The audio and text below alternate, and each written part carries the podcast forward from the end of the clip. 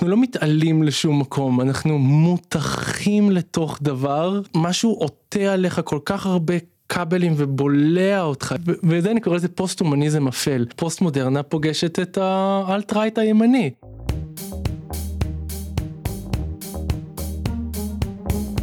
המצב הפוסט-אנושי, פודקאסט על טכנולוגיה, תרבות ורוח, עם דוקטור כרמל וייסמן.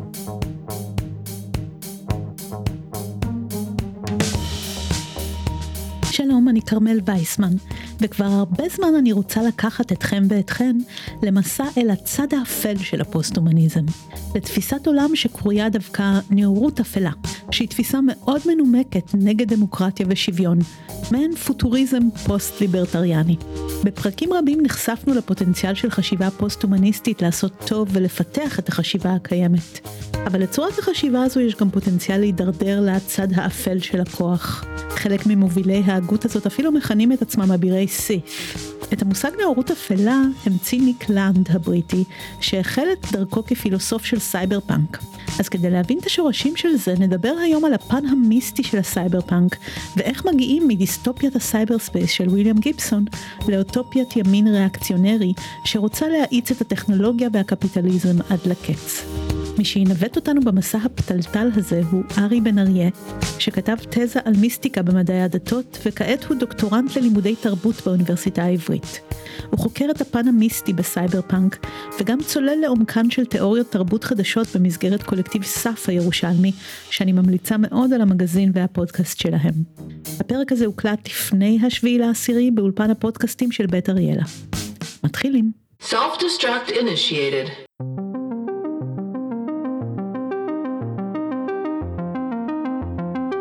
מרק פישר וניק לנד פעלו ביחד בקולקטיב שפעל באוניברסיטת וורוויק באנגליה. הקולקטיב נקרא CCRU, Cybernetic Cultures Research Unit, שגם ה unit, נכון? זו מילה סייבר פאנקית, כאילו הם כל כך היו בתוך זה. מובן היום שיש איזה ענן כזה של תיאוריית סייבר פאנק, וה-CCRU היו נורא חשובים בקיבוע של זה. קולקטיב CCRU באוניברסיטת וורוויק הוקם ב-1993 על ידי החוקרת סיידי פלנט כמרחב שאמור לעסוק בסייבר פמיניזם, אך תוך מספר שנים התלמיד שלה, ניק לנד, לקח את זה לכיוון פרוע יותר.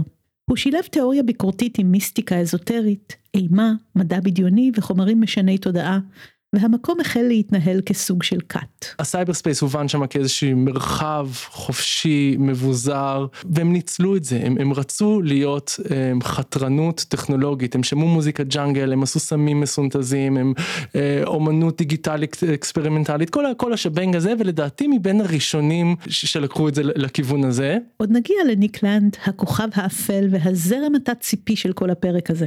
אבל בואו נתחיל עם המרחב התרבותי שהם חקרו שם, מה שהזין את הקשר בין כל התחומים האלו. סייבר פאנק. תראי זה כאילו נורא קשה אה, לתחם כל ז'אנר נכון? כאילו זה מעין ענן כזה ואז איפה אנחנו קוטעים? כאילו מישהו אחד יגיד רגע בורוז גם סייבר פאנק פיליפ קיי דיק אה, בלארד אה, כל, ה, כל הגוורדיה של המדע הבדיוני החתרני והאפל. אבל לא אבל הסייבר פאנק כן מתחיל עם יצירה אחת עם שתי יצירות מכוננות. 1982 יוצא ניורומנסר של ויליאם גיבסון ו-1984 יוצא בלייד ראנר של רידלי סקוט שמבוסס על ספר של פיליפ קיי דיק, Do Androids Dream of Electric Sheep. הסייבר פאנק נורא מתייחד באסתטיקה שלו. את הטון נתן בלייד ראנר, אחר כך אולי אה, אקירה היה מאוד חשוב בקיבוע האסתטיקה הסייבר פאנקית. מרחב עירוני נשגב, קודר, דיסטופי, שיש אה, טכנולוגיה ששוטפת את כל המרחב העירוני, איזשהו גם שזירות סבוכה כזאת של אדם מכונה, לאו דווקא נקייה, לאו דווקא אסתטית. כמובן ה touch האוריינטליסטי, כל סיפור סייבר פאנק קורה באיזשהו דגם של נאו טוקיו כזה. אגב, אולי שווה להגיד משהו על המילה cyberspace, אני כאילו משתמש בזה סינונימית לאינטרנט או משהו כזה, אבל זה בעצם כי זה המונח האמי של הסייבר פאנק עצמו. ה cyberspace הוא מילה שהתחילה אצל ויליאם גיבסון בניורומנסר ולדבר על המרחב החדש הזה של חיבוריות ומה שמדהים 82 ניורומנסר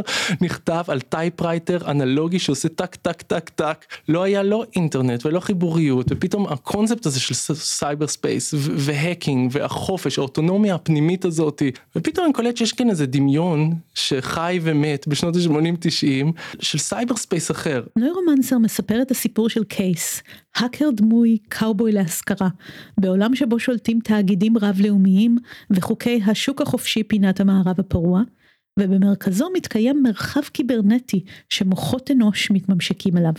הספר הזה מדמיין את האינטרנט לפני שבאמת היה אינטרנט לרבות סצנה איקונית של סקס ללא גוף. אני יליד 87, אני הדור הראשון שהתבגר לתו, עם זה, ממש צמחתי עם המהפכה הדיגיטלית, עם ה-ICQים ו-MIRC וכל זה, ומודמים אה, כאלה שעושים צלילים של רובוטים ממאדים, and so on and so on, ובאמת כשאני פגשתי את תרבות הסייבר פאנק איפשהו בנעורים שלי, מצאתי שם הרבה דברים, אבל מצאתי שם במיוחד איזושהי היקסמות מהדבר הזה, מהמהפכה הדיגיטלית שנורא נגנה לי על איזה משהו. אה, התנועה הזאת התחילה כשעוד היה אפשר להסתכל על זה קצת מרחוק, קצת מבחוץ, היום אנחנו כבר, כבר נורא בזה. סטיגלר אומר שכל שינוי טכנולוגי משמעותי מזעזע את התרבות. ואני חושב שהמהפכה הדיגיטלית עשתה דבר דומה, והסייבר פאנק הוא לדעתי אחד התגובות התרבותיות לדבר הזה. עכשיו כז'אנר של מדע בדיוני, סייבר פאנק אני רואה אותו כסוג של טקסט של uh, תיאוריה ביקורתית, זאת אומרת הדרך ה... התמטיקה הדיסטופית הוא בוחן כל מיני דברים ש, שקורים סביבנו אני חושב שהוא גם אחד הז'אנרים של, של המדע הבדיוני שהכי בעצם בעצם בעצם מדברים על הכאן ועכשיו. אה, יש בסייברפאנק הרבה גרוטסקיזציה של דברים כאלה שמתחילים בשנות ה-80 שנות ה-90 הוא נורא מדבר עם הזמן שלו עם עליית הקפיטליזם הרייגן תאצ'רי סצנה מפורסמת בבליי ראנר אה, מוכרת לכולם של החללית מרחפת יש שלט ענק של קוקה קולה כזה כן אז נורא מגיב לדבר הזה זה איזשהו ז'אנר של מדע בדיוני. בדיוני שלאו דווקא רואה איזשהו כמו הרבה מדע בדיוני מטור הזהב יש איזשהו אידיאל כזה של קדמה. אנחנו הולכים למקום נכון יותר טוב יותר קולוניות בחלל exploration of space הם לבושים יפה ואחיד.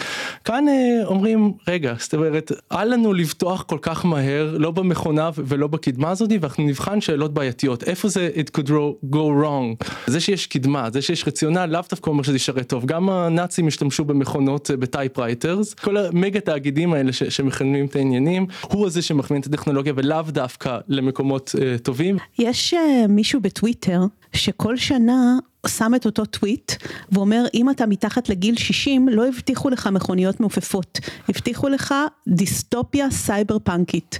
הנה. ואני חושבת שאחד הדברים המעניינים בזה זה שלמרות שסייבר פאנק הוא ז'אנר דיסטופי בבירור וגם אתה נכון. אומר את זה, עשור אחרי האינטרנט ש, שנבנה על פי הדגל הסייבר פאנקי הוא אוטופיה ויש ציפייה לאוטופיה, מאיפה ההיפוך הזה בכלל קורה. תראי, הסייבר פאנק הוא באמת ז'אנר מאוד מאוד דואלי, ובמיוחד באיך שהוא ממסגר את המרחב הסייבר ספייסי. קודם כל, השם מורכב מדואליות, כן? סייבר ופאנק, תרבות גבוהה, תרבות נמוכה, אבל גם ביחס של דיסטופיה, אוטופיה, המכונה והכוח שהיא משרתת הוא בסייבר פאנק באותו זמן גם איזשהו כוח מדכא, ממשטר, אבל מצד שני גם יש את ההיפוך, את הפאנק. הטכנולוגיה בדמיון הסייבר פאנקי היא דבר מבוזר, פתוח, חופשי, וככזה הוא, הוא פותח פתח לתרבות נגד חדשה זה איזושהי אקס-טריטוריה כזאת וזה מה שאולי אני חושב מייחד את הכתיבה שלי. הרבה כתיבה נכתבה על סייבר פאנק אבל זה איפשהו נגמר בסוף האלפיים. נמאס לאנשים מזה. זה איזשהו חזון שהחזיב כזה האנתולוגיות סייבר פאנק cyber culture קצת הפסיקו לצאת וזה איפשהו נזנח שם כאיזה חלום נאיבי כזה. מה שאני רוצה לעשות עכשיו גם בין היתר זה לחזור ולראות uh, where did we go wrong? מה, מה הבעיה בחלום הסייבר פאנקי זה באיזושהי מחשבה בתהליך כן? אבל אבל הסייבר פאנק אני חושב דמיין מעין מרחב מאוד בינארי, יש את הכוח המסדיר ויש את האקס-טריטוריה דרכו אפשר להתנגד, יש את הלמטה ויש את הלמעלה. מה שאנחנו רואים היום במרחב הדיגיטלי זה איזושהי האחדה, האחדה פרדוקסלית. החלום הסייבר פאנקי התבדה, הוא לא מרחב חופשי של חקירה עצמית, של רוחניות, הוא איזשהו מרחב שממושטר נורא ברור על ידי איזשהו קומץ תאגידים, וגם השימוש בו הוא לא איזה שימוש אוטונומי מופרע, סייבר פאנקי הוא שימוש נורא יומיומי, מוסדר, ברור, אבל מצד שני ההסדרה המחודשת הזאתי היא כדי לאפשר איזשהו כאוס מקסימלי של זרימה, זה איזשהו עניין פרדוקסלי כזה, מצד אחד גוגל זה שולטים בהכל, מצד שני שולטים בהכל בשביל להתיר את הכל. אין כאוס בחוץ ומערכת מסדירה, נהיה זה משהו מוזר שהמערכת השתלטה על הכל אבל יש כאוס טוטאלי ואז אתה מתחיל רגע, לחשוב... רגע זה כאוס נשלט על ידי תאגידים, זאת אומרת זה כאוס שהאלגוריתמים של גוגל יודעים לנהל? בדיוק, בדיוק, וההבנה של הסייבר פאנק את הכוח גם היא שונה, זאת אומרת זה איזשהו התאגיד שיושב, אני חושב על טרמינטור או מטריקס, יושב איזה וזה, אבל לא, הכוח לא, לא מושל עוד ככה, לא, לא אכפת לתאגיד מה יקרה כל עוד כאילו ההון גדל והוא לא מכווין את המציאות יותר. זה מתחבר יפה למה שטען דוקטור אלי קוק בפרק שעבר לגבי הקפיטליזם. שלכסף אין ריח ואין ערכים. אולי בגלל זה קפיטליזם נתפס כמקושר עם חופש, כי כל עוד הוא מרוויח מזה שיש קונפליקט בין עמדות שונות, הוא לא נוקט שום עמדה. סייבר פאנק עזר לנבא מלא דברים. אני כן. לא יודעת אם הוא ניבא, הם פשוט ניסו ליצור את מה שהיה בספרים נכון, באופן אקטיבי בדיוק. מאוד. נכון, אז לא רק הספרים של גיבסון וזה, גם קם האבא של Wired, שנקרא מונדו 2000, וקראו אותו, אומרים שכולם, כן, כל מי שהמשיך לסיליקון ואלי, ובכלל ברגע התרבותי הנורא ייחודי הזה, נאספו מלא מתכנתים עם רוח ליברטריאנית כזאתי, אה, אקס היפים שבכלל ראו את המפגש בין קיברנטיקה ורוחניות והוקסמו מהמחשב, ונוצר איזשהו counterculture חדש. מגזין ויירד טען ב-1998 שהסייבר פנקיסטים היו ל-90's מה שהביטניקים היו ל-60's. מבשריה של תנועה המונית הממתינים בשוליים. הדמיון הזה אודות הסייבר ספייס מאפשר כל מיני דברים ל counterculture הזה בדמיון שלו. שהבסיסי מביניהם זה איזשהו כניסה למרחב פלואידי כזה לשם דיאלקטיקה מסוימת כדי לחזור עם איזושהי העצמה עם איזושהי העצמה של סובייקטיביות מסוימת העצמה של קולקטיביות חתרנית מחודשת ולמשל סטרלינג בהקדמה לאחד האנתולוגיות סייבר פאנק הכי מפורסמות Mirrorshades מגדיר מי הוא הסייבר פאנק ומבחינתו הסייבר פאנק הוא מי שרוכב על הריזומטיות של הטכנולוגיה לוקח מהלמעלה ומעביר ללמטה מהסייבר לפאנק הוא, הוא פורט את התרבות הזאת לתרבות רחוב לשימוש לא לגיטימי לשימוש חתרני ואפשר גם לראות את זה קצת ב Hacker Manifesto של מקנזי וורק שגם ההאקר הוא מי שעושה אבסטרקציה לתחום שלו פותח אותו לאופציות חדשות מנגיש אותו מהלמעלה למטה הוא לא השימוש שלו בטכנולוגיה לא נלכד על ידי שום כוח. איזושהי הבניה של סובייקט שפועל באופן אוטונומי ומלא בהשתהות בתוך הכעס הזה. וזה גם כמובן מתכתב עם, עם בכלל האתוס הליברטריאני של איזשהו חופש אה, אוטונומי אל מול כוחות מסדירים. לאריק דייוויס יש גם איזשהו אה, מטאפורה מאוד יפה להמחיש את הרוח הסייבר פאנקית הזאתי. הרי גם אה, בנוירומנסר הסייבר ספייס הרבה פעמים נקרא The Frontier. מי שממחיש את הסובייקטיביות האוטונומית הזאת נקרא הרבה פעמים קאובוי. אה, יש כאן את הדמיון הזה של איזשהו מרחב פתוח אינסופי והקאובוי שבא לממש את עצמו בפנים בא ל frontier הבלתי ידוע הזה. הדוגמה שאני אוהב לתת זה סיידי פלנט והסייבר פמיניזם. למה למה שיהיה סייבר פמיניזם בדמיון הזה? סייבר ספייס הוא בדיוק אותו מרחב שחומק מכוחות המשטור פטריארכיה on ושם אפשר לכונן סובייקטיביות חדשה וגם קולקטיביות חדשה. במובן מסוים גם הטקסט של דונה הראווי שהוא כמובן חופף הרבה להבנות האלה הוא עושה דבר דומה. יש כאן איזשהו תיאור דיסקריפטיבי של אה, מרחב הסייבר ספייס וכאן איזושהי משהו פרס, פרסקריפטיבי. כן כאילו בוא ננצל את הפתיחות ריזומטיות מודולריות הזאת להבנות סובייקטיביות חדשה שהיא בדיוק זה. יש איזשהו ספר הכל פתוח איפה שאין יש אין סוף אפשרויות אפשר להיות כל נכון, דבר. נכון אז זהו אנחנו מגיעים אנחנו מגיעים לכאוס ולימינליות ולמרחבים היותר דתיים. אוקיי אז הבנו שסייבר פאנק הוא סוגה דיסטופית ביקורתית בעולם קפיטליסטי קיצוני הגובל בניהיליזם לפעמים. אבל איך כל זה מתחבר למיסטיקה ודת? מה שעניין אותי וממשיך לעניין אותי היום שיש איזושהי השקה בתוך התמטיקה של הסייבר פאנק בין הנשגבות הפוסט מודרנית הפוסט הומנית העודפות הזאת שנפתחה פתאום בשנות ה-80-90 זרימת המידע מעבר מידע אינסופי חיבוריות אינסופית אז חיבור בין הנשגבות של הרגע הזה לבין נשגבות דתית פרופר זאת אומרת יש איזה הרבה פעמים בסייבר פאנק איזשהו נקודה של ריחוק והעודפות הענקית הזאת שמתחילה לפעם שבאמת הרגישה להרבה גדולה מהאדם כאילו המחשב עם יכולות שלו ידיעת כל הימצאות בכל הסייבר פאנק מוקסם ממנה ומצאתי שם השקה לדעתי מרתקת. מרתקת בין שתי התחומים האלה זה נראה כאילו הוא נדחף לזה בעל כורחו לרטוריקה דתית כי לא היה אחרת כאילו במיוחד באנימה היפני אקירה Ghost in the Shell יש כל כך הרבה אנימיזם שינטואיזם ויטליזם אה, כוחות שפועלים בתוך הסייבר ספייס the ghost אה, מגיה האקרים כמכשפים אמרתי רגע רגע רגע ההשקה הזאת מעניינת אותי. טימותי לירי אמר את זה יותר טוב מכולם PC is the new LSD דמיון על הסייבר ספייס כאיזשהו מרחב כאוטי בלתי ממושטר ומול מה צריך להתנגד? נורא כלוא בתמות האלה של שנות ה-60-70, צד מבולגן ומרכז אה, מוסדר. במרחב המתחדש הזה של הסייבר ספייס, התחילו להקרין לתוכו אה, הרבה דברים שהקרינו באמת למרחבים פסיכדליים כאילו כמה עשורים קודם, וקם איזשהו counter culture סביב זה שהקרין באמת איזשהו תקוות אמנסיפטוריות על הסייבר ספייס. הרי כל תנועת נגד רצתה את האקס טריטוריה, פאנק, דאדה, אה, יש כוח ויש הצידה, ואנחנו נאגף את הכוח בצורה פיראטית, נוודית, מהצידה, אז איזושהי דיאלקטיקה. אבל אז גם בדיוק כמו בשנות ה-60-70, המרחב של אקס טריטוריה היה לא רק כלי למטרה, הוא היה מטרה בפני עצמה. וכאן שוב חשוב להגיד את ההמשכיות עם הרעיונות של תנועת הנגד של שנות ה-60-70. הגווארדיה האינטלקטואלית של שנות ה-60-70,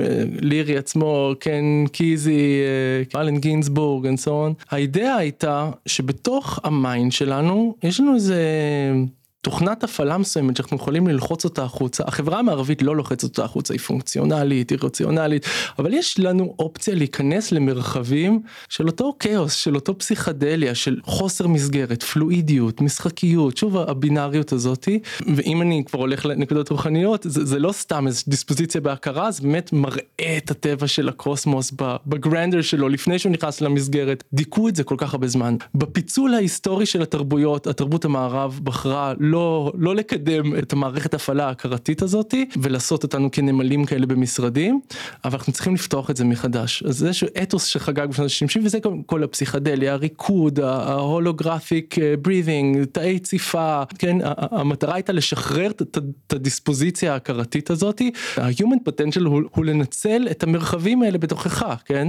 כבר דיברנו בפרק 16 על ההיסטוריה המשותפת של פסיכדליה ומחשבים, וסייבר פאנק הוא אחד הביטויים התרבותיים של החיבור הסיפור הזה. אבל בואו נחזור רגע למושג שארי זרק קודם לכן, לימינליות. זה מושג אנתרופולוגי שמתייחס למרחב של בין לבין. באנתרופולוגיה של הדת כל ריטואל הוא סוג של טקס מעבר, בין אם זה המעבר בין קודש לחול או מנהר לגבר וכדומה. יש את הקטגוריה השגרתית או הקודמת, ואז כדי להגיע לקטגוריה החדשה או המיוחדת מקודשת, עוברים דרך כלשהי. שם, בדרך, אני בין לבין. במרחב לימינלי. שמתם לב שהרבה אגדות תלמודיות על שיחות בין חכמים מתרחשות כשהם בדרך? אפילו לא אומרים לאן, ואם זה דרך פיזית או רק דימוי, הם במרחב הלימינלי הזה, ושם מתאפשר החידוש שהם יוצרים. בלימינליות יש איזה רגע שאני לא כלום, כבר לא בחול ועוד לא בקודש, כבר לא ילדה ועוד לא אישה. הריטואל הדתי אמור ללוות אותי באופן מסודר במרחב המבלבל הזה, שבו הושלו מעליי בלבושי הקטגוריה הישנה, אבל עוד לא לבשתי חדשה. זה מקום של עין, ריק, אבל גם אין סוף אפשרויות שממנו יכול להיוולד משהו חדש. בהגות של ראשית האינטרנט נטען שהסייבר ספייס הוא בדיוק מרחב כזה לימינלי, בין לבין הרבה קטגוריות כמו פיזי וחומרי, אמיתי ודמיוני, ולכן הסייבר ספייס הוא מקום של אפשרויות רדיקליות חדשות, אבל גם מקום מסוכן שאפשר ללכת בו לאיבוד מנטלי, כמו דימוי הכניסה לפרדס בקבלה. לא רק הפסיכדליה, אלא גם הפוסט מודרניזם וכל מיני תנועות תרבותיות אחרות, שאפו לשחרר את האדם מהמגבלות של קטגוריות שונות. אני חושדת שגם הנאורות וגם הדתות שהתעקשו על קטגוריות, ידעו טוב מאוד שקשה להכניס דברים לקופסאות באמת, אבל הם עדיין חשבו שהסדר קריטי. במחצית השנייה של המאה ה-20 היה ממש מומנטום תרבותי וקמו המון תנועות שחשבו שאנשים התפתחו כבר למצב שהם יכולים לחיות במרחב לימינלי ולהכיל יותר ויותר דברים שהם בין לבין, נזילות של זהות למשל. גם בקבלה יש אלמנט של להטיל את האדם ללימינליות רק לאחר גיל 40, אחרי שהגבולות והקטגוריות שלו יציבות מספיק ויהוו לו עוגן גם כשיסדקו. בימינו יש זרמים שטוענים שהעולם כולו בשל עכשיו ללמוד את תורת הסוד בכל גיל, כי התפתחנו ונוכל להכיל את הדברים, לא נשתגע בפרדס. האמנם? זה גם מרחב מסוכן, כי הלימינליות בדיוק מתאפיינת בזה שהיא שוברת, יש לה אלמנט חתרני נורא, והיא שוברת מוסכמות, וזה גם מסוכן אולי מנטלית, כן? אתה לא יודע אם, אם תחזור מהפרדס, כן? כמו, כמו שאתה, זה מסוכן חברתית, גם בדתות יש הרבה פעמים את הבידול בין כריזמה למיסוד, כן? משהו חווייתי, חי, זה, לבין משהו מוסדר לכדי ספר חוקים, אתה לא יכול להיות בכריזמה כל הזמן, זה, זה לא סוסטיינבל, אז תמיד יש את התנועה הזאת, גם בדתות, זה מתחיל הרבה פעמים. כריזמטי ואז מתמסד ואז יבוא זרם מיסטי ויגיד התמסדתם מדי תחזרו לרקוד וצאן ותמיד אנחנו רואים את התנועה הזאתי. ההבדל הגדול שגם דרידה אמר אותו הפוסט מודרנה פותחת אבל היא לא מסכימה לאסוף את זה חזרה למהות היא לא מסכימה לאחד חזרה ל... יש איזה תנועה קוהרנטית אין מהות זה לא מתלכד לכדי כלום זה רק מערכות יחסים אבל זה אולי קצת ההבדל בין כן הלימינליות כביכול הפוסט מודרנית והלימינליות הדתית הלימינליות הדתית אומרת רגע יש איזה היא מהות. שלב היא שלב נכון היא שלב. אז הנה מחשבה שמרנית. בדתות יש את החוכמה לאפשר לימינליות רק כשלב קצר, וגם ללוות אותנו בו ולפקח עלינו בתוכו. זה גם כוח המשיכה של הדת, שהיא לא חושבת שהציבור בשל לחיות בבין לבין, והיא כן מציעה סדר. את רוב האנשים הבין לבין עדיין מבלבל. רק תראו מה קורה עם נזילות קטגוריית המגדר בימינו. אפשר גם להבין את האתגר של תרבות הוואוק דרך זה. היא מתעקשת שנחיה בלימינליות, אבל היא משותקת שם בפועל. היא לא מצליחה לייצר חדש פרודוקטיבי, ולרוב היא תקועה בעין, שאי אפשר להגיד כלום על כלום בלי שזה יצטלב עם איזשהו עלבון.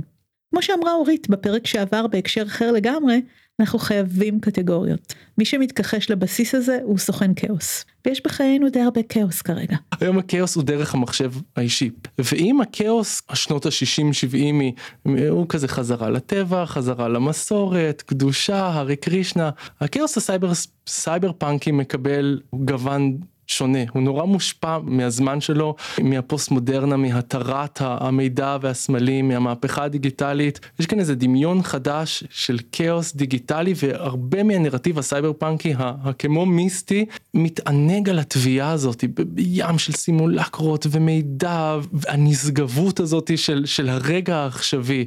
הכאוס בא כאילו לפתח דלתנו עם, עם, עם המהפכה הדיגיטלית והפוסט מודרנה ששום דבר לא יושב אה, ויש איזושהי התענגות דתית על הכניסה הזאת לכאוס. לירי האמין שה cyberspace הוא בעצם איזושהי תמונת מראה של הקוסמוס עצמו, בינה שמתחילה לחיות בפני עצמה, והכאוס של ה cyberspace הוא הכאוס של היקום כולו. אז זאת הבחנה כן. חשובה, כי בעצם אנחנו נוטים לחשוב על זה כעל עולם פחות אותנטי, כעל עולם של ייצוגים. ואתה אומר, יש פה תפיסה שהכאוס הזה הוא לא פשוט uh, קליידוסקופ של כן. ייצוגים, כן. אלא הוא הדבר עצמו, או יותר קרוב כן. לדבר עצמו. כן, תראי, הוא מסגר את זה על ידי הפוטנציאל שהיה למרחב הזה על התודעה האנושית. איך נהיה המראה של זה? הבינה שלנו היא תהיה כזאת, היא תהיה רשתית, היא תהיה אינסופית. אותה סיידי פלנט אומרת, ה cyberspace עם הרשתיות שלו, בשימוש שלו גורם ממש ל- לריאליזציה מיסטית של הכל רשתי. כשאני משתמש ב cyberspace אני מבין שהכל עובד ככה, שהכל שזור אחד בשני. אז שוב, אותו פוטנציאל דתי של הכאוס הזה. כמה החזון הזה נתן לנו ביס בתחת, הכאוס אה, לא מעצים אותנו יותר, הוא מקריס אותנו, הכאוס הסייבר ספייסי. לוויקטור טרנר, מי שהמשיג את הלימינלי, הייתה הבחנה בין לימינלי ללימינואידי. הלימינואידי זה לימינלי lite, משהו שבעולם המערבי הופך לדעתו למצרך של ממש. צא למרחב בין לבין שכזה לכמה שעות, בסרט או בעזרת סם. אבל בלימינואידי האינדיבידואלי, הזמני הזה, את לא עוברת לקטגוריה חדשה, את חוזרת לאותה פוזיציה שלפני. זו רק גיחה ולא מעבר טרנספורמטיבי. ובפנים זה לא הכל או כלום, אין ואין סוף, אלא קצת נזילות, עמעום, טשטוש של הקטגוריות. ויש בזה מספיק פוטנציאל חתרני. אז אולי האינטרנט לא באמת לימינלי, אלא רק לימינואידי? לא באמת כאוס וחדש, אלא סוג של בלגן מנוהל? תראי, אני לא יודע, הכניסה למרחב הלימינלי הייתה הרבה פעמים מלווה על ידי עטיפה תרבותית טקסית של איך להיכנס ולצאת. המסר של החשיבות של הכניסה למרחבים לימינליים דעך בשנות ה-60-70, הוסלל והוסדר. ואני גם חושב שבשביל להיכנס למרחב לימינלי צריך בחוץ. הרי מהי החוויה המיסטית? היא כאילו עומס עומס עומס ואז פתאום פוף נתק שמאפשר איזושהי רה-אורגניזציה. אני חושב שהיום אנשים נלחמים בציפורניים וגם אליטות שנורא מבינות ומודעות כדי לקבל בחוץ, כדי לחוות רגע איזה מבט לימינלי על הכל. אבל החיים המערביים הם, הם נורא בפנים וגם המרחב הדיגיטלי היום אני נורא פשוט בפנים קשה היום נורא למצוא בחוץ אז אוקיי אז זה הבדל כן. חשוב כי בטקסטים של uh, גיבסון יש המון את ה jacking in את הלהתחבר נכון. להתנתק נכון. להתחבר להתנתק וגם לנו בשנות התשעים היה להתחבר ולהתנתק ועכשיו מבחינה טקסית ממש אין לנו חיבור וניתוק. יפה. האנתרופולוג הקנדי דיוויד תומאס ניתח את ההתחברות הזאת כטקס מעבר דתי. שבעזרת חומרה מפריד את האדם מהחומר והגוף ושם אותו במרחב הלימינלי שבין האדם לפוסט אדם. היום כשהחיבור לאינטרנט רציף, המרחב המקביל הזה מתקיים כל הזמן, ואין יותר את התחושה של המעבר בין מרחבים, חיבור וניתוק. לדעתי זה פוגם בלימינליות ובפוטנציאל החתרנות והדתיות שלו. כי כל ריטואל חזרתי זקוק למרווח זמן. אם יש לי יום יום חג, אז אין לי חג יום יום, החג הוא פשוט החול החדש, הוא לא מיוחד ונדיר ומופרד, אין מעבר בין קודש לחול, ואז הכל קורס. בשנות ה-80 וה-90 יכלנו לדבר אל ה cyberspace ככה בגלל המרחק שלנו מזה בגלל שזה רק הגיע. הדיבור היה מאוד בינארי. אני יכול to jack in ללכת לאיזשהו כאוס מה שקרה היום שאני כל הזמן jacked in לתוך כאוס אני כבר כאילו מה שאנחנו צריכים להילחם זה לא כדי להשיג כאוס זה כדי להשיג קוהרנטיות בתוך הדבר הזה. אז בגלל זה אתה אומר הרבה שבעצם הדבר הבא זה דת? זאת אומרת איפשהו אנשים רוצים עוד פעם את הסדר אנחנו חיים בהמון המון כאוס ואנשים מחפשים סדרים חדשים. דת זה הדבר הבא. דת לא מעניינת אותי כדבר חיצוני או אונתולוגי. מעניין אותי מה אני יכול לעשות עם, ה, עם הקופסה הזאת.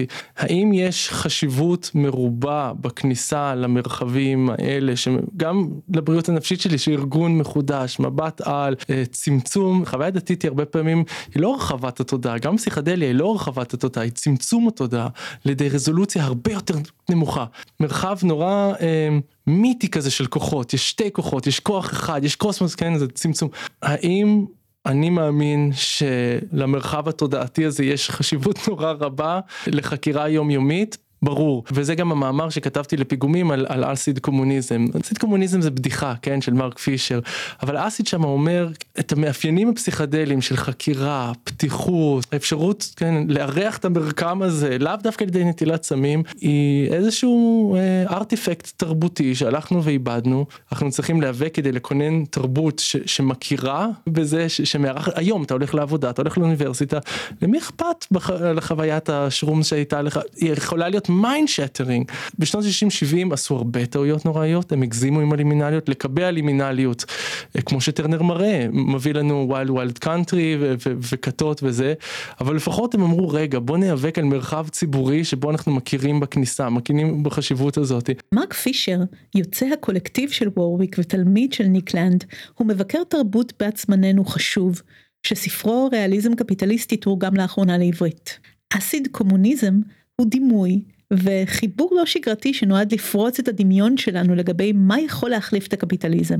ארי מייצג כאן בארץ תפיסה תרבותית של פישר ושל הוגים רבים אחרים, שהתיאוריה הביקורתית שהשורשים שלה הם מרקסיסטים ולכן אתאיסטים, זקוקה לקצת אבקת קסם, לדת, לרוח, להיקסמות מחדש. האינטרנט הוא הרי לא רק מכונה חילונית, חלק ניכר מהאוטופיה שלו הוזנה מאספירציות רוחניות שונות. בפרק 73 הצגתי את התיאולוג טייר דה שרדן ואת ההשפעה שלו על תפיסת ה cyberspace. בפרק הזה נדבר על סוג מיסטיקה מאוד ספציפי שעולה מהסייבר פאנק. זו שתוביל אותנו לתפיסות של הקולקטיב בוורוויק ולנאורות האפלה של ניק לנד. ומכיוון שאני יושבת עם חוקר מדעי הדתות, לא נזרוק מושג כמו מיסטיקה לחלל מבלי להגדיר אותו. הרבה פעמים יש איזה שימוש אה, במילה מיסטיקה כדי להצביע על כל דבר שהוא out of the ordinary עם קונוטציה דתית. וואו זה כזה מיסטי. אז, אז ממש לא כן? כשאנחנו מדברים על מיסטיקה אנחנו מדברים על הפן הזה בחיים הדתיים שהוא קשור למרחב החווייתי פנומנולוגי ובמיוחד לאיזושהי עצימות בתוך זה לפרקטיס לפרקטיקות שמבקשות העצימות החווייתית לעומת המרחב הדתי שהוא טקסי חוקתי יומיומי. החוויה הדתית איזשהו סוג של טרנספורמציה פנימית, כן, לפני ואחרי, שבא אחרי גם איזשהו מאבק פנימי, שאיפשהו באמצע שלו יש את ה-Dark Night of the Soul, שזה מונח של Saint John of the Cross, מיסטיקן אפופטי נוצרי, איזושהי קריסה מנטלית, גם ההבנה שהמושגים שלנו, חשיבה יומיומית לא, לא משרתת, איכשהו צריך לתת לזה לקרוס, ואז כשזה קורס, התעוררות מחודשת, איזושהי רה-אוריינטציה של המרחב הפנימי אל מול מציאות רוחנית. תרבותית רחבה יותר. זה דבר ש, שנורא עניין אותי איך סצנות מסוימות בתוך הנרטיב הסייבר פאנקי הם מיסטיות לעילא אני חושב על אקירה וסצנת המטמורפוזה של טצואו תעשו יוטיוב אקירה transformation scene לא תתחרטו על ה-18 דקות ה gruesome והנוראיות האלה שבסופן יש איזה קריסה מיסטית ניורומנסר. נשים אה, לינק לזה בתמלול. אז עכשיו אנחנו מגיעים לרגע המיסטי בסייבר פאנק שבאמת מרק פישר עוזר לנסח אותו בצורה נורא יפה ומה שהוא בעצם אומר זה איזושהי קריאה מיסטית של הסייבורג מניפסטו של דונה הראוויי. שדונה הראוויי גם קראתי בהערת שוליים שהיא מכירה את הקריאה הזאת ופוסלת אותה. אבל מה בעצם פישר אומר נורא נורא נורא אה, בפשטות. מעין המטאפיזיקה הזאת שהרווי הראתה לנו שאין אדם מהותי כולנו מתהווים בתוך מצרפים ואנחנו איזשהו יצור מודולרי ופלואידי בתוך שצף אימננטי של מטמורפוזה אין אין שום דבר למסגר ולהגיד הנה יש כאן את האדם הזה שכולם אה, דיברנו עליו. הארווי מה שהיא עושה עם המסקנה הזאת בוא נבנה סובייקטיביות חדשה אל מול זה בוא נהיה אדם פלואידי בוא נהיה נייסד קולקטיב לא על בסיס אה, זהות והאחדה אלא על בסיס difference היא כאילו חזרה של, של סובייקטיביות פעילה חיובית. אה, אם אתה מבין את זה take care of your kin. אבל במובן מסוים פישר בדוקטורט שלו טקסט מדהים שפרסמו אותו אחרי שהוא מת אומר אפשר לקרוא גם את המניפסט ה cyborg באופן מיסטי. זאת אומרת שאין שם איזשהו סובייקט פלואידי אלא אין סובייקט בכלל אם אנחנו לוקחים את ההבנה של המטאפיזיקה הפוסט-הומנית של הארווי עד הסוף סוף סוף ועושים ממש איזושהי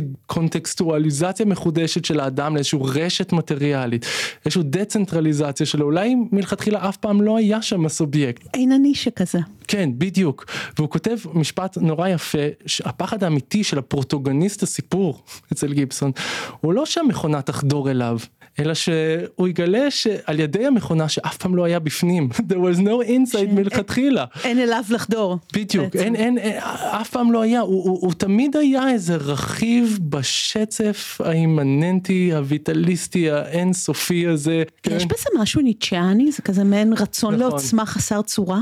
כן במובן מסוים בדוקטורט שלו גם פישר קורא את האקסטזה של התקשורת של בודריאר וגם אותה הוא מפרש באופן מיסטי. מה שאנחנו רואים אחרי המהפכה הדיגיטלית זה לא רק סימולקרה דגמים של האמת מרחפים איזה איזה התכה חזקה בין אה, סובייקט לבין מדיה שכבר אין אין עוד הבדל. הקרום הפנימי שהבדיל אותי כן פעם ניגשתי לספר מידע hmm, איך אני מאבד אותו? הקרום הפנימי ניתץ והאדם הוא מסוף של הדבר הזה בשביל פישר יש כאן התעיינות הסובייקט לגמרי על ידי המדיה. פישר מנסח תיאורטית את האופציה שהחיבור ל cyberspace יכול לאיין אותי לגמרי ואם באמת הקרום נקרע ואני בתוך הדבר הזה בהכרח זה, זה מקריס לי את התפיסה הרציונלית. cyberspace ככאוס כאיזשהו מרחב שעזוב את המילים תן לכאוס לפעום דרכו. ובמובן מסוים זה התנאי של המיסטיקן בשביל לעורר את הטרנספורמציה הפנימית הוא צריך את הקריסה האפיסטימולוגית שלו זה גם עוד איזה רכיב שנותן את עצמו לקריאה של ה cyberspace ככר של טרנספורמציה מיסטית. להתעיינות יש לרוב קונוטציה שלילית אנחנו בתרבות אנושית אינדיבידואליסטית והעין מאיים על גבולות האינדיבידואל. ג'רון לניר למשל זיהה מוקדם את הפוטנציאל של השיתופיות ברשת לכרסם בחופש וביצירתיות האינדיבידואלית. ב-2006 הוא כתב חיבור מסעיר בשם מאואיזם דיגיטלי, שבו הוא יצא נגד מיזמים כמו ויקיפדיה, על זה שהם מטשטשים זכויות יוצרים וזהות של מחבר יחיד לטובת סוג של מוח כוורת. מנקודת מבט הומניסטית איון כזה נתפס כדיסטופי, אבל ישנן מסורות דתיות ורוחניות שבהן זו אוטופיה. כך זה היה גם אצל דה שרדן שהשפיע על ראשוני ה cyberspace. לאדם הובטח שהוא יהפוך לחלק מישות מסדר גבוה יותר. איבוד העצמי הזה הוא לא נפילה אחורה, אלא זינוק אבולוציוני קדימה.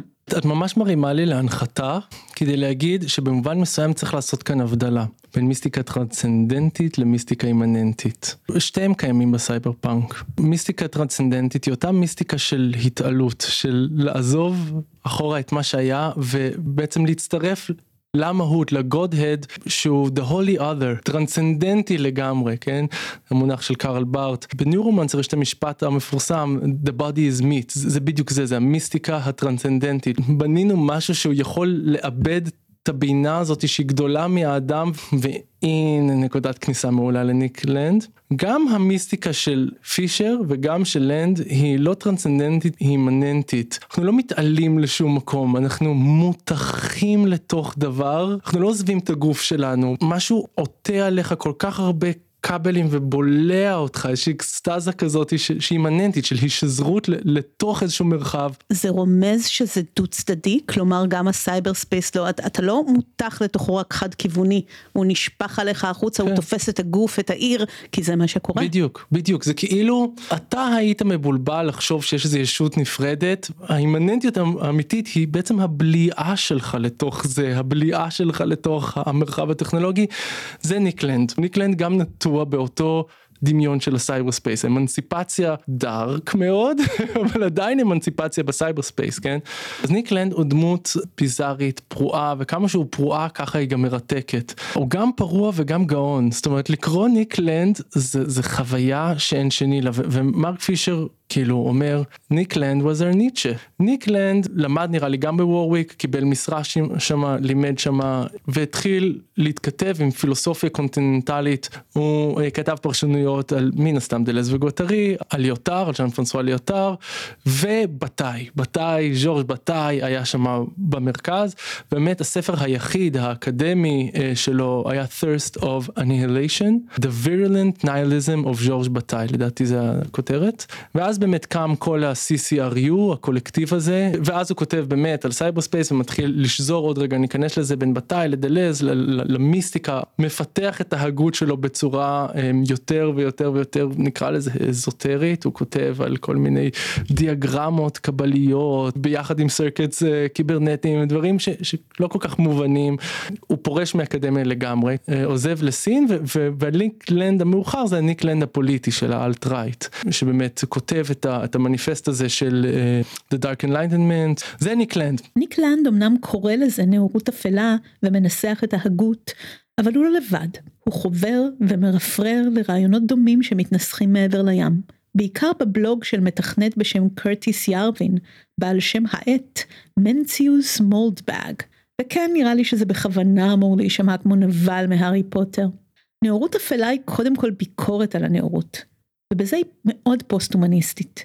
היא מתחילה מההנחה שכל תיאוריה ביקורתית תסכים איתה, שההיסטוריה לא בהכרח מובילה לפרוגרס, לקדמה.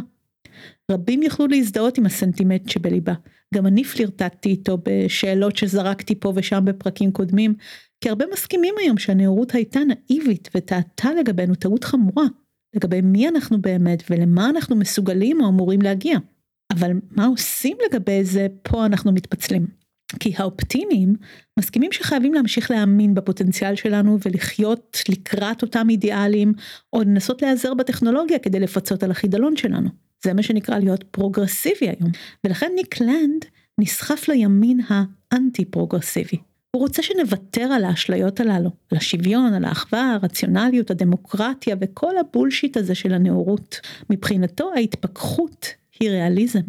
מבחינתנו זאת מסקנה פסימית. היזם ומייסד פייפל, פיטר טיל, שמזוהה גם הוא עם הרעיונות הללו, אמר שהוא כבר לא חושב שדמוקרטיה וחופש תואמים זה את זה. זו צורת חשיבה שאסור לזלזל בהשפעה שלה על הקהילה הטכנולוגית שנטתה בעבר לאופטימיות קיצונית לגבי יצירת עולם טוב יותר.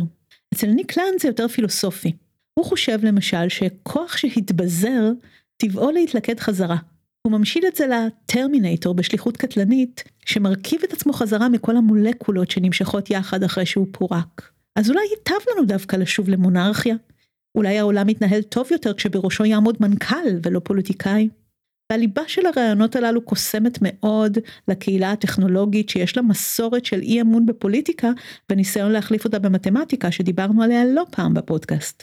אבל לפני שגם אתם תתפתו לטעום מהעוגיות של הצד האפל, בואו נבין רגע מה כל כך אפל בו. בואו נחזור למיסטיקה. הדמות הכי חשובה כדי להבין את ניק לנד זה ז'ורג' בתאי.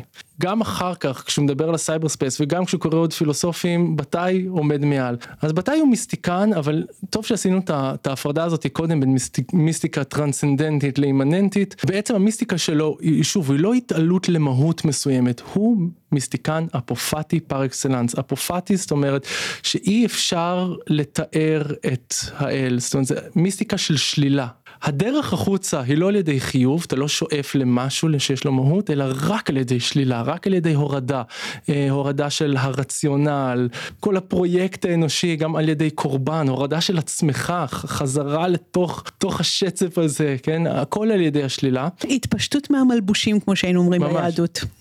בדיוק, וגם אני חושב, ואני מפחד להגיד את זה לידך, אבל שהוא מאבות הפוסט-הומניזם לגמרי, כי המיסטיקה שלו היא כל כך מטריאליסטית, זאת אומרת, ההתעיינות של האדם אה, בשביל בתאי היא התעיינות מטריאליסטית, ככה הוא מתאר אותה, זה כל השפה שלו, האדם.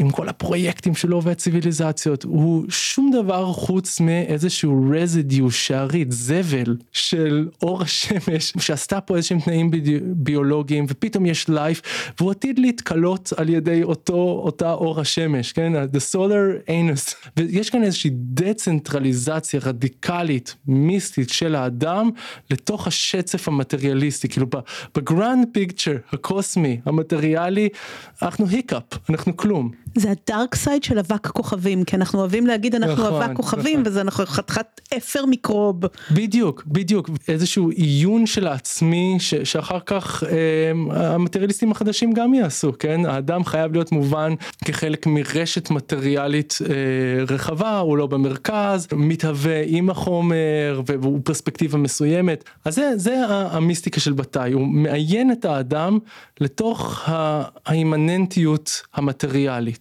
אין טרנסצנדנטיות בשבילו, יש רק את השצף המטריאלי הזה, וההתעיינות המיסטית היא על ידי קריסה לבפנים, זאת אומרת, אה, הוא קורא לזה חזרה לאינטימיות, ובשביל זה קורבן כל כך חשוב לו, זה האקט הכי גדול שאתה יכול לעשות, לעיין את עצמך, וכל החשיבה, הוא קורא לזה העצמי כפרויקט, אני הולך ויש לי, כל זה זה היקאפס של טרנסצנדנטיות אשלייתית וארעית בדרך לשצף הזה, השחור, המטריאלי, שעתיד אה, לשטוף את כולנו וזה אני קורא לזה פוסט הומניזם אפל.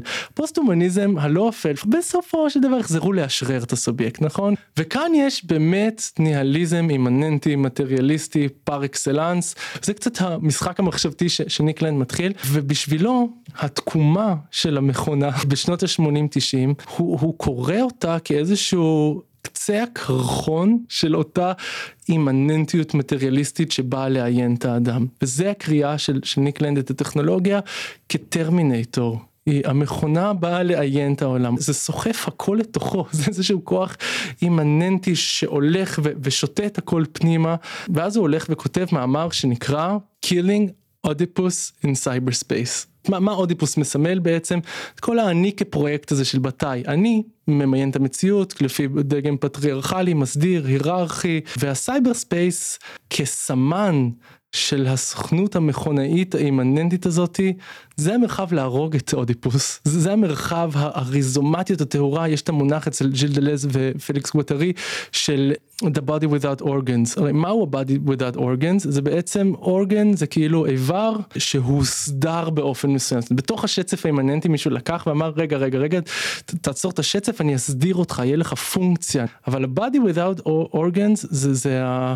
לא לתת את עצמך לשום הסדרה כן? לתת לשצף האימננטי לעבור דרכך ומבחינת לנד הדר, המקום לממש את זה זה ב cyberspace. בדיוק בגלל כל הדמיון הזה של ה cyberspace כמקום ריזומטי מבוזר killing Oedipus in cyberspace זה המרחב שבו הפרויקט של בתאי יכול להגיע לסופו. אני יכול לאיין את עצמי בתוך הקונטקסטואליזציה הזאת אל תוך המכונה והוא מפריז עם זה קדימה. בשבילו אנחנו עתידים לראות את ההאצה של זה. אנחנו עתידים כל האנושות להיבלע לתוך הדבר הזה. הפוסט הומני האפל שייתר אותנו. זה עוזר לי להבין למה למה הוא משתף פעולה עם הרעיון הזה של הימין שאני מבינה מאיפה זה מגיע של הימין שהחברה תהרס ואז אנחנו נבנה חברה אוטופית חדשה שהיא בעצם דמיון שמרני למה הוא משתף עם זה פעולה כן. כי הוא חושב שכשהכל ייהרס אנחנו נהיה פיור רצון לעוצמה.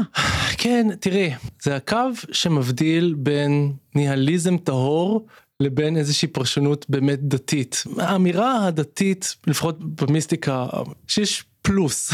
זאת אומרת כל כל הדבר הזה יש לו איזשהו היגיון. אתה קורס והשצף הזה שאתה אולי לא מבין אותו אבל it's a being it's a something כאילו. יש כאן מהות והניאליזם לאו דווקא עושה את זה.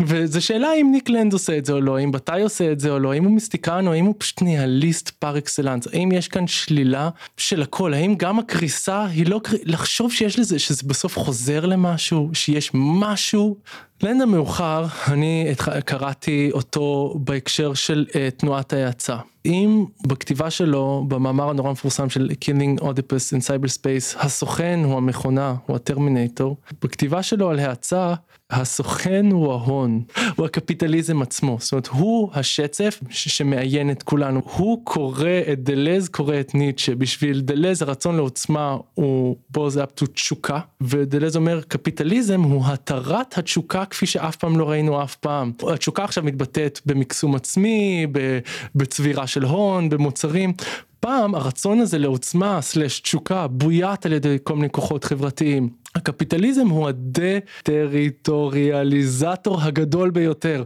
הוא מפרק את כל מה שמנסה לאחוז בתשוקה הזאת שמתבטאת כהון, ככסף, כעצמה עצמית, כצמיחה, צמיחה, צמיחה, צמיחה, צמיחה. גם המכונה היום, זאת אומרת ההשתלטות שלה על הכל גם מוכפפת לזה במובן מסוים, ל, כן, לרצון להעצים הון ולהעצים תשוקה. ובלנד באמת של, של תנועת ההאצה אז הקפיטליזם המפרק כל הזה זה הסוכנות שעתיד אה, לפרק את הכל ואומר אי אפשר אי אפשר להילחם בזה אנחנו רואים היום תסתכל על המציאות היום. הדבר היחיד שמניע אותנו קדימה כל מה שקורה היום זה הרצון לעוצמה הענק הזה תחת הקפיטליזם שדוהר לכיוון ההון. והוא אומר מפלגות שמאל אוקיופאי, רציונל אנושי, אה, הומניזם, כל הניסיונות לביית, כל הניסיון להכניס את הדבר הזה חזרה לשק, אין, אין סיכוי, אנחנו פשוט צריכים, וזה קצת מיסטי, כן? לטבוע חזרה לתוך השצף הזה, ותנו לו לעשות את שלו, והמודל הוא נאו-פאודליזם, תאגידי, מין ערי תאגידים כאלה. אבל השותפים שלו לא רק יושבים ורואים פסיבית איך הסוכן הזה בולע אותנו, הם מנסים לא, אה, אל תגידו יום יבוא, הביאו את היום, הם מנסים נכון, להאיץ נכון, בכוח. נכון, אז זה בדיוק, זה איפה שהפוסט מודרנה פוגשת את האלט רייט הימני. אז נראה שלנד התחיל בטכנולוגיה, אבל בדרך גילה את האבא או השורש הרוחני שלה ולכן עבר בצורה ברורה יותר לקפיטליזם. לגבי עניין ההאצה צריך להבהיר פה משהו. היום מדברים על האצה, אקסלריישניזם, בעיקר בהקשר שלילי כימין חדש. ויש באמת תנועות שמנסות להאיץ את המציאות לנקודת הקצה שלה כדי לבנות אוטופיה לבנה אחריה או משהו כזה. אבל הרעיון עצמו רחב יותר, והוא הפציע לפני קצת יותר מעשור גם מימין וגם משמאל בו זמנית. זה בעצם גלגול חדש של רעיון ישן של בנייה מתוך הרס. זה מאוד מתחבר לייאוש שלא באמת נוכל לשנות את המצב, למשל את הקפיטליזם, אז בואו ננסה להחריף אותו, להביא אותו לנקודת קיצון שלו, שמשם אולי הוא יקרוס ויתפרק, ואז נוכל לעשות משהו אחר. האצה שמאלנית מנסה לזרז את תהליך האבולוציה הטכנולוגית מעבר לאופק הצר של הקפיטליזם. למשל על ידי שימוש חוזר בטכנולוגיה מודרנית למטרות חברתיות מועילות. האצה ימנית תומכת בהתגברות הבלתי מוגבלת של הקפיטליזם עצמו. אולי כדי להביא לסינגולריות טכנולוגית. הרעיון הוא לאתר את הטכנולוגיות המתקדמות והאינטנסיביות ביותר של הקפיטליזם ולהשתמש בהן כקרש קפיצה לקראת פוסט קפיטליזם. התקווה היא שעל ידי החרפת התנאים הנוכחיים של הקיום שלנו נוכל להגיע לנקודת קצה ולהתקדם מעבר לה. האצה היא מכניקה של פירוק. במילים אחרות זה ניסיון להפוך את העולם להרבה יותר חשוך כדי לזרז את עלות השחר. מה ניק לנד עושה בהערה אפלה? לוקח את התותחי הפוסט מודרנה שעד עכשיו פירקו כוח, פירקו התלקטות של מחשבה ואומר רגע גם כל הפרויקט ההומני, אה, אגליטריות, שוויון, גם זה אנחנו נפרק, כאילו גם זה איזה שהם אה, אשליות טרנסצנדנטיות, אה, אני מנסה לעשות סדר במציאות והמציאות תדרוס את זה תוך שנייה. וזה ההערה האפלה, זה לקחת את ה... אתגור הסובייקט הקנטיאני הפוסט-הומני עד הסוף סוף סוף סוף סוף. תן לשצף להיות. אל, אל תשים לו קיר בכלום. ושוב אני לא יודע אם לנד הוא, משוגע או גאון. האם יש לזה סוף טוב או האם הוא פשוט entertaining ה mind trick יותר מדי? וזה גם מה שמרק פישר כאילו התפכח ואמר לא לא לא לא.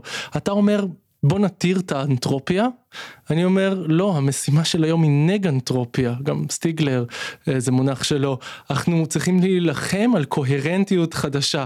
המחשב המכונה נכון היא מפרקת קוהרנטיות. אבל אנחנו צריכים להיאבק היום בספירה הפוליטית דרך המרחב הדיגיטלי לקוהרנטיות חדשה לנגנטרופיה. לא אנחנו לא רק אימננטיות אנחנו גם חלק מהשצף האימננטי אנחנו גם יודעים לאזן אותו אנחנו יודעים להסתכל עליו אנחנו יודעים לעשות לו הפסקה בדמות פרויקטים וזה מה שצריך לעשות. בואו נסביר מהי נגנטרופיה כי זה מושג מעניין שיש בו תקווה ריאליסטית בעולם שמנסים להחשיך לנו אותו ומקשים בו על יצירת קוהרנטיות. את המושג אנטרופיה ופיזיקה אני מניחה שאתן מכירות. זה מדד האנרגיה שהולכת לאיבוד במערכת ולכן זה כוח מפרק שמשיב אותנו לכאוס. נגנטרופיה היא ההפך, ובתורת האינפורמציה זה המרחק לנורמליזציה של המערכת, כלומר לנסות למזער את הפסדי האנרגיה. אז לא מדובר בלקחת על עצמנו פרויקט גדול של צמיחה או חתירה לאוטופיה, משהו שכרוך בהשקעת המון אנרגיה. זה פשוט למזער את הדליפה של האנרגיה. משהו קטן וטוב, להרים גרב אחת מהרצפה, לשטוף כוס אחת בכיור שכזה. הפילוסוף ברנרד סטיגלר מדבר על נגנטרופיות כמענה לניהיליזם שמדרדר אותנו לכאוס. והוא מדבר בעיקר על משבר האקלים ועל דברים קטנים שאפשר לעשות כדי לקצר את המעגל החשמלי של הניהיליזם בלשונו. שזאת אותה שפת דימויים קיברנטיים שחוקרי הסייבר פאנק מדברים בה. נגנטרופיה היא מה שכן אפשרי לאדם הבינוני הזה שאנחנו, שאינו עוד האדם של הנאורות שעליו הוטלה המשימה לממש אוטופיה. תראו לאן הגענו עם זה. המרחב הפוסט אנושי שבו אנחנו מפרקים קצת את מהו אדם, גם הוא לימינלי. סוג של פרדס קבלי שגם בו לא בהכרח אפשר לשהות יותר מדי זמן מעבר לתרגיל מחשבתי. אם זה באמת רק שלב, אמורים לצאת משם מבנים חדשים, סטיגלר פילוסוף פוסט-הומניסט שיצא משם עם רעיון כמו נגנטרופיה. אבל ניק לנד, לטעמי, נתקע בפרדס. הוא יושב היום בסין, ומשתף פעולה עם הממשלה שלה, כי סין זה הדבר הכי קרוב היום ללוותר על הדמוקרטיה ולהאיץ את הקפיטליזם. אני אגיד משהו שאולי שמרני והומניסטי, אבל מה הטעם להחיש את הקץ ככה? אני באמת לא מבינה. אני אתרגם את השאלה שלך לרגע העכשווי. אני חושב שבהרבה ניק לנד פשוט צדק. כאילו זה לא אה, תזה נורמטיבית כמו שהיא דסקריפטיבית. שוב אנחנו חוזרים כאן לכן מות העתיד מות הפרויקט האנושי ההסתחררות הזאתי שיש לה היבט באמת קפיטליסטי. זאת אומרת לאן אנחנו הולכים? מה מה קורה? יש יש עוד חזון אמנסיפטורי מסוים? פוליטי מסוים? לא יש מציאות כזאת ופתאום מגיע טראמפ פתאום מגיע קורונה. כאילו לאן אנחנו הולכים? יש איזה ביטוי כזה? כבר נסגר איזה לופ קיברנטי כזה שהמכונה מעצבת אותי אני מספק לה מידע וגם זה הולך למין שום מקום. זאת אומרת, כל עוד מעצימים את ההון כן? אה, סרטונים clickbait דופמין כאילו אין coherent לאן זה הולך? פשוט איזשהו שצף כזה. האם יכול להיות תקומה של פרויקט או לא? האם את יודעת מתישהו נתעשת ונקבל נגנטרופיה חדשה בדמות אי החרבת כדור הארץ או אי הסתחררות לשמה. זה השאלה שמעניינת אותי. אנחנו חייבים לחיות את החיים שלנו באופן כאילו פרויקט כן? ראינו איך ניטשה סיים וכאילו ללכת במסלול הזה. אבל בתמונה הגדולה האם יהיה תשובה או לא יהיה תשובה? האם ההאצה של הרגע העכשווי גם תחת המכונה תיענה בדיאלקטיקה מחודשת או לא? ובגלל זה כאילו התזה של ניק לנדי מעניינת לדעתי. כלומר זה לא פשוט לייצר לעצמנו חזון חדש. אנחנו הולכים או אל איזשהו ריק וסחרור ו... ו... כל, כל מה שקורה בדרך הוא איזושהי בדיחה, כמו כן. שאמר גראוצ'ו מרקס, כן. כן, זה חוזר כפארסה, אבל, או שאנשים שהם עדיין רציניים ומחזיקים איזשהו חזון, זה חזון שניסינו לממש בעבר ולא הצליח. גם את חזון הסייבר פאנק, אני חושבת שהחיובי, כן. אני חושבת שאנשי הבלוקצ'יין אה, מנסים ליישם, נכון. ויש לנו גם פרק על זה, או, או שאנחנו הולכים אחורה לדברים שרגע לא סיימנו, או שאנחנו נשאבים מהר יותר אל הריק, יאללה כבר, נכון. כאילו, על מה אתם מתעכבים, נכון. אולי אין לזה משמעות. ואני חושבת שבאמת צדקו הדתות, לא היה צריך לתת בידינו את הכוח הזה. כן צריך להשאיר אותנו יותר מסודרים ועם איסורים ועם קטגוריות מאוד ברורות שנותנות לנו משמעות בחיים כן. האלה. אני לגמרי לגמרי בעד דתות לאדם הפשוט, לנה... אחרת כולכם תהיו ניקלנד. לנהל את הלימינליות. המיסטיקה הלא ניקלנדית כן אומרת שיש תשובה בסוף, כן יש דיאלקטיקה, כן יש איזה, אה, איזה ארגון מחודש, יש איזה סדר. כלומר, אני... יש אלוהים שברא את הטוב ובוהו, יש כן, אלוהים לפני. כן, כן, בדיוק, אז אני אומר, בסופו של דבר, זה, ג'יימס בעצמו אמר, הדת היא באופן הבסיסי ביותר היא הבטחה שאלוהים הוא לא משוגע, זה, זה כל מה שזה, פלוס ולא מינוס, זה מה שזה. ואז באמת, האם הכאוס של הרגע העכשווי, גם הדיגיטלי, יכול לעורר תגובות מיסטיות, לזרוק אנשים לא רק לאיזושהי התעיינות אלא, לדיאלקטיקה של זה, במובן מסוים כן, זאת אומרת כל התגובות של תנועת ההאטה, המינימליזם, הוויפאסנה, אני רואה את זה קצת איזשהו הצפה של כאוס בעל כורחנו ואז זה, מעין מכריח אותנו למצוא מרחק. זאת אומרת לא סתם הבודהיזם אה, תפס כל כך חזק בעת העכשווית כי הכאוס של הרגע העכשווי חלק מאיתנו הוא זורק למין הכרח של אוריינטציה מחודשת. זאת אומרת ה dark night of the soul נכפה עלינו עם הכאוס האינסופי גם עם הלחץ עם החיים האלה. הקריסה היא לא איזושהי בחירה מיסטית אבל היא כן זורקת אותנו לאיזושהי ריאוריינטציה מחודשת. ואז אני יוצא לריטריט ואני רגע אומר בסופו של דבר יש איזה יש איזה מסלול ואני לאו דווקא בתוך הכס אז הדברים האלה קורים לצערנו בפריפריה קטנה מדי וזו שאלה של כאילו האם אה, זה, זה יכול להיות רחב יותר אבל כן. בעודי עורכת את הפרק הזה, התפרסמה בהארץ כתבה של יוני שדמי עם חוקר המיסטיקה ג'ף קרייפל, שטען שהשמאל העולמי אבוד אם הוא ימשיך להכחיש את הממד המיסטי של העולם. בפרק 73 עם בועז לביא סיפרתי על מושג הנוספירה של טייאר דה שרדן, הרעיון התיאולוגי החיובי שממנו מגיעה חוכמת ההמונים והמוח כוורת כשלב באבולוציה שלנו. מה שפחות מודגש בסיפור של הנוספירה זה שיש פה ויתור על האינדיבידואליות שלנו. אנחנו מותכים לתוך משהו חדש, לתוך כוורת. וזה משהו שתמיד הוצג לנו כשלילי מנקודת מבט הומניסטית. תחשבו למשל על הבורג בסטארטרק, מי רוצה להיות assimilated? האיון של האינדיבידואליות הוא סכנה או אבולוציה? על זה הוויכוח בין הומניזם לזן הזה של הפוסט-הומניזם. ואולי כל מה שדיברנו עליו בפרק הזה זה חבלי ההתכה שלנו לתוך הדבר הזה, מנקודת המבט של האינדיבידואל ההולך ונעלם. זה מפחיד, ניהיליסטי ומייאש, או אולי נשגב ומלהיב, לפי אמונתך. ובינתיים אין מניעה שזה יהיה שני הדברים גם יחד, כמו שטוען ארי. אבל אצל דשרדן והאופטימיים יש מכניקה של התעלות. מחכה לנו קטגוריה חדשה בצד השני של הכאוס הלימינלי. מה שאנחנו חווים עכשיו הוא רק טקס מעבר, פרדס. אבל מה שהסייבר פאנק ובתאי הורישו לנאורות האפלה של ניק לנד, זו מיסטיקה מסוג חדש. מיסטיקה ללא התעלות. בדיוק כמו שהקסלי הגדיר את הטרנס-הומניזם כדת ללא התגלות. מיסטיקה כזאת שנשארים בה בדרך, עד שגם דרך כבר אין. ומי אמר שמיסטיקה זה דבר חיובי ומרומם? הרי יש גם טריפים רעים. ואם מיסטיקה היא ניסיון לגעת באמת במציאות האמיתית שמתחת לאשליות, אז יש מצב שהאמת הזאת מדכאת ומפחידה לאללה? אבל אני לא רוצה לסיים ככה, כי אני לא מאמינה בזה. ולמי שהנאורות האפלה אפלה מדי, אבל הם כבר לא יכולים לחזור גם לעמוד בלב שלם מאחורי אשליות הנאורות, הצענו דרך אמצע ריאליסטית אפשרית. נגנטרופיה. הצגתי באחד הפרקים, כבר לא זוכרת איזה, תיאוריה מטאפיזית שיש לי בראש, על זה שהפכים לא רחוקים אלה מאלה על איזשהו ציר ליניארי, אלא מצויים גב אל גב, במעגל, ולכן יש חפיפה אדירה ביניהם. למעשה ברזולוציה מסוימת של המעגל, הם ממש אותה נקודה, כמו שני צדדים של אותה המטבע. תחשבו על אוטופיה ודיסטופיה כהפכים כאלה, שהם כל כך דומים שזה לפעמים עניין של פרספקטיבה. אוטופיה של אדם אחד היא הדיסטופיה של האחר. רבות מהדיסטופיות המפורסמות בספרות מוצגות כאוטופיות, כמו עולם חדש מופלא, ואולי הן באמת מתחילות ככאלה. אוטופיה היא רק כיוון ההליכה במעגל. היא לא נועדה להתממש באמת, היא לא מרחב אפשרי, כשמה ביוונית כן היא לא מקום, כי מימוש מלא שלה הוא כמו יום יום חג שהתהפך לחול, היא מיד דיסטופיה. ונראה לי שראינו את זה בראשית המאה ה-20. אז אפשר לחשוב על נגנטרופיה כהליכה לכיוון הנכון, אבל מבלי באמת להשקיע המון אנרגיה בלהגיע לשם חלילה.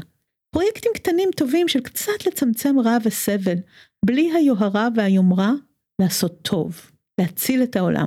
נדמה לי שזה קרוב מאוד גם לאתיקה של פרופסור יוסף אגסי, זיכרונו לברכה, מפרק 7, על אף שהוא מגדיר את זה, כן, כנאורות חדשה, אולי מפוקחת יותר. אז עד כאן להפעם. אני מקווה שהפרק הזה סיפק לכן ולכם מרחב לימינלי ולא לימינואידי, כדי שתצאו ממנו במקום טיפה אחר ולא סתם תחזרו בדיוק לאותה נקודה ממנה יצאתן. להשתמע בפרק הבא.